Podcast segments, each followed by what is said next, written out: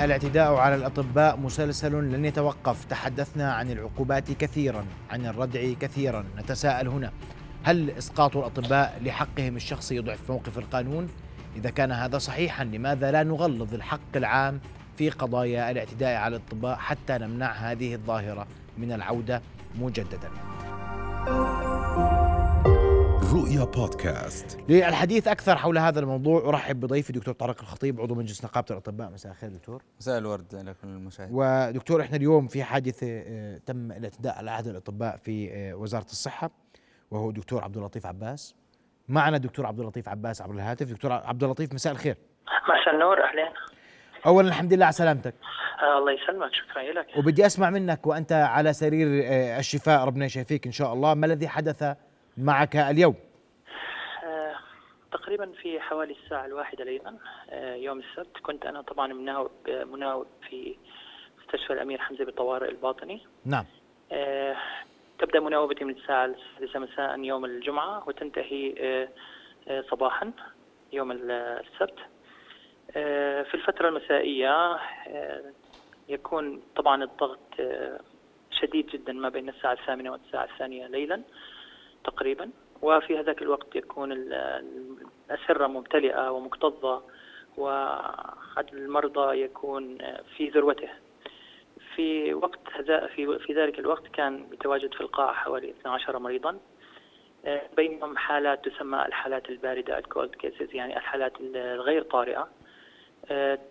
طبعا كنت مطلع على جميع هذه الحالات ومن بين الحالات الأخرى كان هنالك خمس حالات حرجة أو خلينا نكون دقيقين متوسطة إلى حرجة. آه، كان منها حالتين سكتة قلبية لنكن دقيقين دقيقين في هذا الكلام. كان هنالك امرأة خمسينية تعاني من ضيق نفس وآلام في الصدر وتحتاج آه، إلى تخطيط قلب وإنزيمات وقد تحتاج إلى دخول وقد تحتاج أيضا إلى قسطرة. وهنالك آخر أيضا يعاني من سكتة قلبية وبنفس الأعراض تقريبا. آه، قد يحتاج إلى دخول. قمت بعينة المرضى وفي اللحظة هذيك آه، في تلك اللحظة أيضا دخل مريض آه، وهو المريض الذي حصلت معه المشكلة. المريض أيضا كان يعاني من من آلام في صدره ولكن أنا كنت منشغل في المرضى الذين كنت قد بدأت معهم الفحوصات وبدأت معهم الفحص السريري وبدأت معهم وضع الفحوصات. آه، وفي نفس الوقت كنت منشغلا أيضا بمريض آه، لديه سكر مرتفع عالي جدا فهذا السكر قد يؤدي إلى غيبوبة سكري. آه، وكنت مضطرا إلى أخذ عينة دم تؤخذ من الوريد وذلك للتاكد من وجود حموضة دم أو لا. ففي المجمل كان هنالك حوالي خمس خمس حالات أو ست حالات خطرة. وقبلها أيضا كان هنالك نسيت أن أذكر مريضة تعاني من أزمة وكانت في حالة لنقل حالة آه، تفاقمية أو تفاقم لحالة الأزمة لديها. نعم. على كل على كل حال آه، المريض جاء وكان ترتيبه الأخير في الدور آه، يريد أن يريد أن أشوف أن أرى مريضه فكان ردي دائما دائما بعد قليل سأراك بعد قليل سأراك لأني كنت منشغل بالحالات اللي معك. نعم نعم. وتعتبر تعتبر طبعا أي حالة من الحالات السكتات القلبية تعتبر حالات حرجة. ولكن كنت منشغل مع حالتين حرجين حرجتين جدا وحرجات يعني كانت هنالك حالات سكتات قلبية. نعم. يس ففي في في الوقت اللي أنا كنت أطلب فيه الفحوصات على الجهاز الكمبيوتر وذلك لتفعيل فحوصاتهم آه، طلبت من الممرض أن يأخذ علامات الحيوية له للتأكد من أن حالته ليست حرجة جدا تستدعي آه، التدخل السريع. في الوقت ذاته آه، عندما انهيت فحوصاتي على الجهاز كان لدي متبقي لدي مريضين مريض الأزمة وهو المريض والمريض الذي حصل معه المشاجره. آه، فارتأيت أن أرى مريضة الأزمة لحين انتهاء الممرض من عمل التخطيط القلبي. لأن التخطيط القلبي قد يحتاج إلى خمس دقائق وفي الخمس دقائق هذه أستطيع أن أكسب الوقت لأرى مريضة الأزمة. المريض لم يطق الانتظار وتلفظ معي بألفاظ للأسف بصوت عال.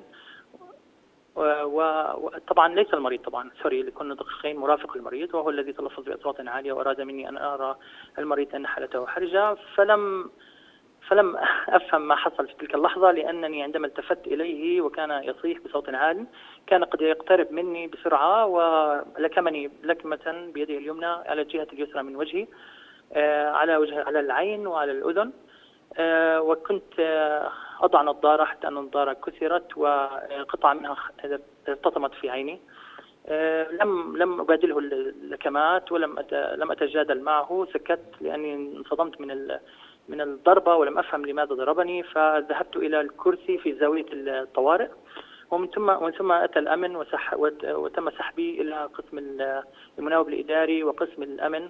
وهناك بدات بال باجراءاتي القانونية. نعم أشكرك كل الشكر دكتور عبد اللطيف والحمد لله على سلامتك. وساسمع أيضا لقصه الدكتور أحمد صالح الطبيب المقيم في مستشفى البشير الذي تعرض أيضا لحادث اعتداء قبل أيام دكتور أحمد مساء الخير. مساء الورد يعطيكم العافية. دكتور أحمد آه، آه، أستمع والمشاهدين لما حدث معك انت كرم تفضل الله يعطيكم العافية. آه، أول شيء أنا دكتور مقيم أشعة تشخيصية. كانت عندي مناوبة في الطوارئ في يوم الأربعاء.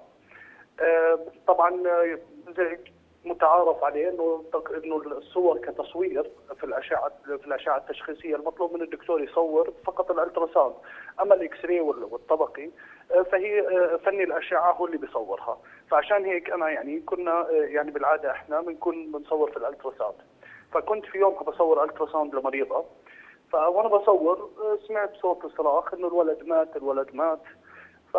فيعني صورة ultrasound لمريضة قلت يعني بتتأجل شوية دقيقتين تنشوف إذا في شيء بنقدر نساعد فيه اللي مات. مع إنه هي فعليا أنا آه، يعني آه، كدكتور فقط وواجب واجب بدي سمعت إنه في واحد بموت ولا كذا فعشان هيك أنا رحت عليه ولا أنا شغلتي في ال ultrasound فعليا. نعم. فتركت ال ultrasound اللي هي التلفزيوني وتوجهت مباشرة للصوت اللي بيطلع منه المنطقة اللي بيطلع منها الصوت تبع الولد مات. لقيت في شاب ثلاثيني تقريبا آه، جايته حالة تشنج على جهاز الطبقي. بعد ما خلص التصوير تصوير طبقي للدماغ. فبلشت بالإسعافات الأولية لأنه أساسا يعني آه، في المنطقة في يعني في غرفة الطبقي ما فيها الأدوية أصلا. فالإسعافات الأولية اللي هي إنه يعني تتأكد من الايروي أو الجهاز التنفسي إنه يظل الطريق فاتح. ففتحت امه ميلته على جنب شوي عشان إيش؟ إنه آه، ما يرجع شيء على جهازه التنفسي. من المفرزات تبعته أو كذا. مفرزات اللي هي نعم. آه وبقول للشباب بعد هذا بقول لهم أعطوا جيبوا لنا Stryker خلينا ننقله ونادوا لنا دكتور من من ال critical في قاعه آه، خاصة جنبنا بتكون فيها دكاترة وقاعة critical يعني للحالات اللي بتكون اللي هسه اللي اللي, اللي فورا بدها اسعاف لسه ما رفعت رأسي بحكي الكلمة هاي أنا في نص الجملة هاي ولا في بوكس اجى في عيني أو لكمة اجت في عيني مباشرة. وكنت لابس نظارة وقتها نفس الدكتور فانا وبحكي فيها قلت نفس السيناريو تقريبا. آه, آه وأنا لسه يعني إلى الآن أنا مش فاهم ليش أنت تعرضت لهي اللكنة. قدمت شكوى دكتور أحمد؟ قدمت نعم. طيب. أشكرك كل الشكر. قدمت شكوى وطبعا آه بعد يعني بعد الشكوى عرفت علي ويعني إحنا اولا وأخيرا كلنا يعني أبناء هالمجتمع ومتأثرين بعادات هالمجتمع وصارت في عطوة وجاهة وكذا. وفي الأخير هيون إن شاء الله يعني بلكي يوم الأحد إن شاء الله أتنازل عنهم. طيب. هي القصة. نعم. أشكرك دكتور أحمد. واستمعت إلى القصتين وأنت تعلم كلا القصتين. نحن على علم للأمانة بالتفاصيل منذ البداية يعني في من وأنا سؤالي شو شو موقفكم كنقابه من الإجراء؟ اليوم دكتور أحمد بيقول لك بدي أسقط حقي وهذا يضعف القانون. صحيح. هلا بداية أنا بس بالبداية بدي أقدم تحية إجلال لجميع الكوادر الطبية اللي بتقدم أقصى طاقاتها في ظل تردي المنظومة الصحية في القطاع العام.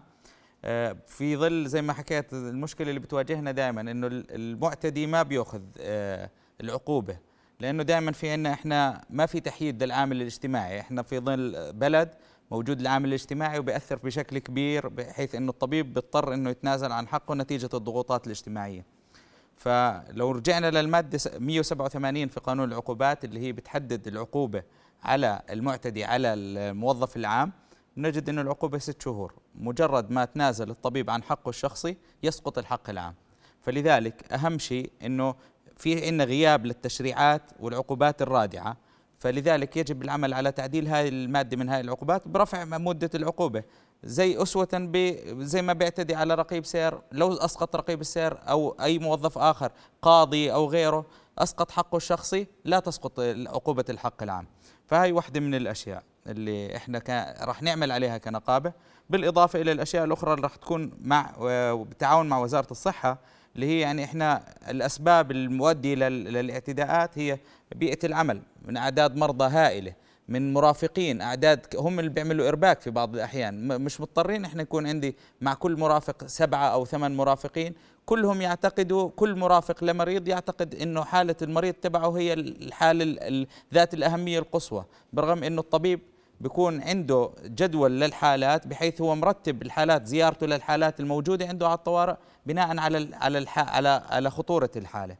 آه، أيضا ما في عندنا نظام فعلي لتصنيف الحالات. موجود نظام صوري آه، تصنيف الحالة في بعض الدول يضطر المريض إنه ينتظر بين ست لثمان ساعات في الطوارئ. إذا كانت حالته لا تستدعي زي ما حكى الدكتور حالات الباردة أو ال cold cases اللي بنسميها هذا مش أصلا مش مكانه إنه يجي على الطوارئ. فهو نعم. بيجي بيأخذ آه، جزء آه، من المكان للمرضى لكن راح تتابعوا القضية وفي تغريض للحق العام.